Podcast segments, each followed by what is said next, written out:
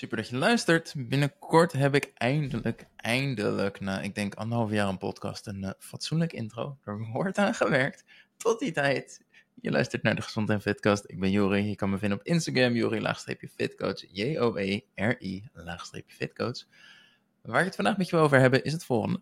Ik ontving afgelopen week uh, deze recensie. Ik lees hem even voor en daarna duiken we erin. Ik volg momenteel de coaching bij Jori en hecht daar enorm veel waarde aan de podcast en ik overwin community waren een mooie kennismaking, maar het lukte me niet zelfstandig. Waar ik sinds de start van de coaching resultaat van mijn acties terugzie op de weegschaal en qua mindset. En dat zette mij wel aan het denken. Ik geef natuurlijk heel veel gratis kennis weg. Deze podcast, ik geloof dat dit aflevering 120 is. Ik hou het ook niet meer bij. Ik vul het gewoon braaf in uh, als ik hem straks uh, plaats. Uh, wekelijks, fitmail, dagelijks, content op Instagram, dagelijks Instagram stories. Ik overwin wat op het moment dat ik dit opneem nog 9 euro, 9,50 per maand is. Dus er is zoveel kennis voor je beschikbaar. Wat maakt dat dat voor veel mensen toch niet genoeg is? Is dat het is gewoon super saai en ik moet het leuker brengen, want als mensen het daadwerkelijk consumeren, dan lukt het allemaal wel? Ik denk het niet. Waar ik altijd wel van uitging is, kennis is gratis, implementatie, dat is mijn werk, dat is coaching. Hè, dus het grote verschil tussen, um, ik weet wel wat ik, wat ik moet doen, ik doe het alleen niet. Want wat maakt dat gratis kennis niet genoeg is? Wat maakt coaching dan anders? En daar kwam ik bij vier punten terecht. Vier belangrijkste redenen die ik wel met je wil induiken. Um, want het is dus iets waar ik over na zit te denken van, oké, hoe kan ik deze vier punten dan zo verwerken in, nou ja, in de podcast, in de masterclasses die ik geef, zodat uiteindelijk um, ik niet meer nodig ben. Klinkt heel gek, maar uiteindelijk is mijn doel dat je mij niet nodig hebt. Dus als ik, um, weet je, heel simpel. Het probleem is op dit moment, ik kan 50, misschien 60 vrouwen per jaar coachen. Um, daar ga ik niet mee redden. Tenminste, er zijn ik heb dit berekend recent. Uh, ik geloof 4 miljoen vrouwen met overgewicht in Nederland. Dat zou betekenen, ervan uitgaan dat ze allemaal af willen vallen, dat ik ongeveer 82.000 jaar coaching moet gaan geven in mijn eentje. Nou, dat zie ik niet zo zitten. Dat is niet helemaal praktisch. Dus uiteindelijk is wel het doel, hoe kan ik het resultaat wat ik nu één op één bereik, dus ook opschalen en aan meer mensen geven. Nou ja, er zijn vier punten waar ik bij terecht kwam. En Eén daarvan is dus inderdaad een stukje kennis van implementatie. Ik kan kennis hebben, maar ik moet ook kennis kunnen toepassen. En dat vereist hele andere vaardigheden. We weten allemaal dat een calorietekort nodig is om af te vallen. Maar weet je ook wat je moet doen en veranderen zodat je een calorietekort volhoudt? Nee, anders deed je het al. En daar zit dus wel een stukje in waar um, nou ja, coaching dus inderdaad verschil maakt. Kijk, jij hebt nu generaliseer ik een beetje. Oké, eh, de gemiddelde luisteraar heeft de ervaring van zichzelf. En waarschijnlijk is dat een nee, falende ervaring als in het is nog niet gelukt. Dus je hebt, de ervaring, je hebt de ervaring van één persoon waarbij het niet lukt. Ik heb de ervaring van, ik denk dat ik de 100 ondertussen wel gepasseerd ben, van mensen waarbij het wel lukt. En dat is niet om op te scheppen, dat is vooral om je te laten zien, oké, dat zijn dus honderd, honderden verschillende personen, levens, scenario's, veel context, waarin steeds dezelfde stappen, vergelijkbare stappen gemaakt kan worden, zodat het calorietekort volgehouden kan worden.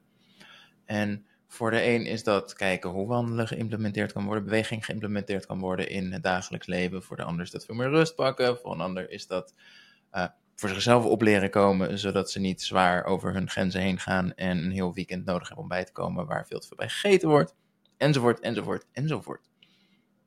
Mijn ding is dus wel, ik heb de kennis van, of de ervaring van honderden succesverhalen tegenover ja, je persoonlijke niet succesvolle ervaring. Um, en nou ja, logisch dat, dat ik dus meer ervaring heb als het gaat over hoe kan ik de kennis die we allebei als het goed is hebben, tot op zekere hoogte. Ik mag ervan uitgaan dat ik toch iets meer kennis heb. Ik bedoel, het is mijn werk, ik besteed hier veel te veel tijd aan. Um, maar met name dus het stukje van, oké, hoe pas ik het vervolgens toe? Daar zit wel een heel stuk groot, groot stukje waarde in. Um, ik denk ook een stukje accountability. Je stok achter de deur. Um, waarbij ik dus wel heel nieuwsgierig was en nog niet per se een antwoord heb gevonden van wat maakt accountability nou zo belangrijk. Ehm, en waar ik bij terecht ben gekomen tot zover, maar ik denk dat er wel meer achter zit, is. Ik denk dat podcast aflevering 86 is. De motivatie om vol te houden. Daar duik ik hier een klein beetje in. Dus als je nu denkt, Juri, waar heb je het over? Luister die even. Maar als we kijken naar niveaus van motivatie, dan is. Um, nou, zijn de laagste twee niveaus van motivatie die komen van buitenaf. En dat is een stukje um, verantwoording af moeten leggen. Dus inderdaad, um, ik uh, let vandaag op mijn voeding, want morgen ben ik bij de diëtist en daar word ik gewogen. En ik wil niet dat, dat zij kritiek gaat geven op het feit dat ik niet ben afgevallen. Dat is een, hele, uh, een heel laag niveau van motivatie. Maar op de korte termijn werkt het wel. Net daar eentje hoger staat uh, je eigen emoties. Dus ik um, ga op mijn voeding letten, want als ik dan op de weegschaal sta, dan wil ik me niet schamen of teleurgesteld zijn. Um, dus om die reden.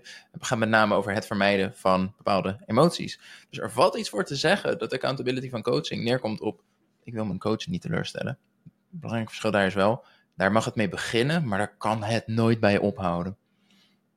Dus zelfs al is dat de insteek waarmee iemand start, dat is oké. Liever niet, liever zit je al een stap verder. Uh, maar uiteindelijk moeten we absoluut toewerken naar autonome motivatie, motivatie vanuit jezelf. Dat kan ofwel zijn, ik doe het omdat het resultaat me gewoon heel veel waard is.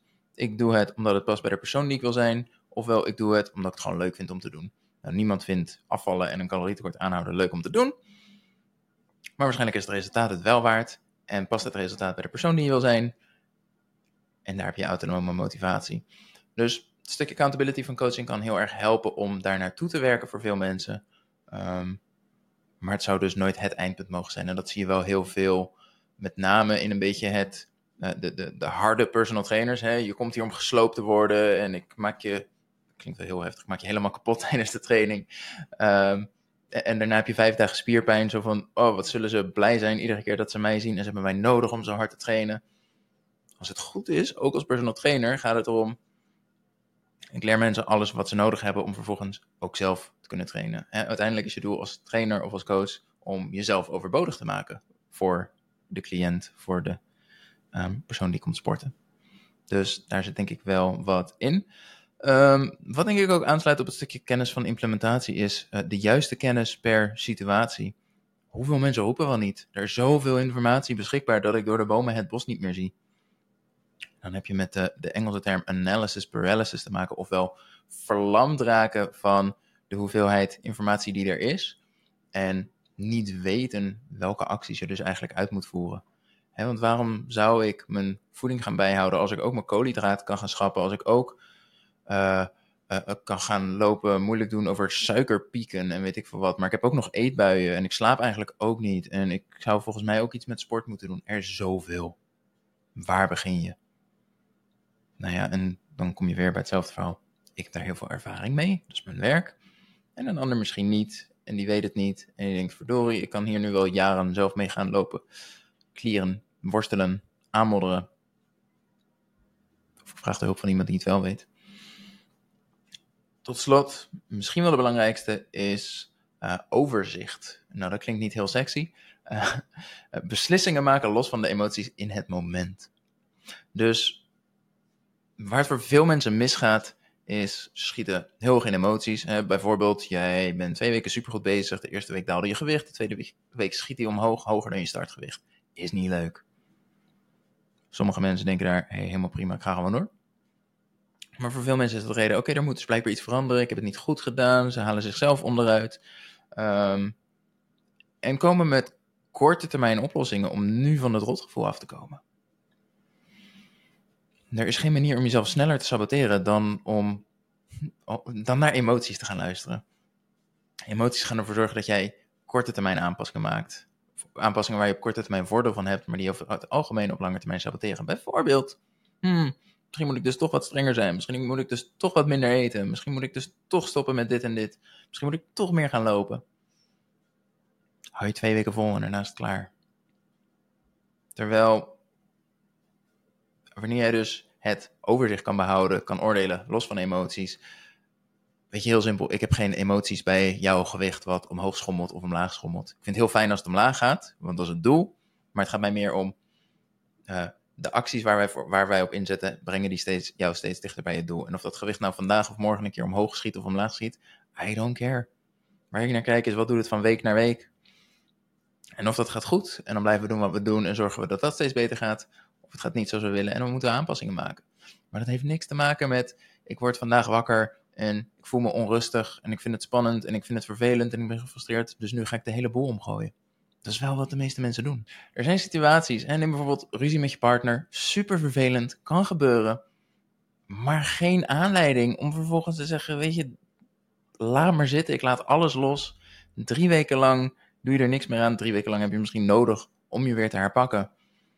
Maar drie maanden later, die ruzie ben je al lang alweer vergeten. Het gebrek aan resultaat, alleen op dat moment word je toch zwaar mee geconfronteerd hoe kan ik omgaan met dat soort situaties, zodat ik niet opgeef, zodat ik me achteraf niet hoef te herpakken?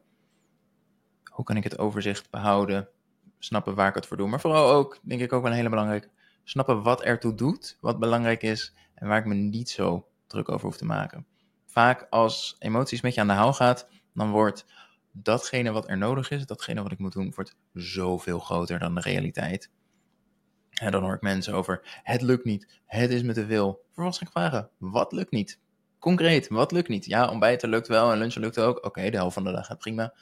Uh, ja, maar dan halverwege, tussen lunch en avondeten gaat het eigenlijk mis. Oké, zullen we daar wat voor inplannen? Ja, dat lijkt me eigenlijk wel een goed idee, want ik heb daar eigenlijk altijd al honger. Maar normaal was ik best wel sterk in mijn schoenen en lukte dat wel. Maar op dit moment heb ik zoveel stress dat dat niet lukt. Hé, hey, prima. Tackelen we dat probleem, is er niks aan de hand. Maar dan zie je dus dat we je uit die emoties halen waar het heel groot, chaotisch, nul overzicht is. We trekken weer naar de ratio, rationeel denken. En dan valt het eigenlijk wel mee. Dat is wat ik doe. Accountability, kennis van implementatie, de juiste kennis per situatie en uh, overzicht. Dat zijn in ieder geval op dit moment de belangrijkste vier punten waar ik op kom komen. Dit is iets waar ik heel graag over nadenk, want het helpt mij gewoon om nou beter gratis materiaal uit te brengen, zoals de podcast. Maar uh, er komt nog veel meer. Um, vond je dit nou waardevol? Laat alsjeblieft een recensie op de podcast achter. Komende week heb ik een uh, vrij grote aankondiging via zowel Instagram als mijn Fitmail, is mijn wekelijkse nieuwsbrief. Ik zal beide uh, een link zetten in de beschrijving. Als je me niet volgt op Instagram, zorg dat je dat doet. Als je de Fitmail nog niet ontvangt, zorg dat je dat doet. Hartstikke bedankt voor het luisteren en tot volgende week weer. Hoi.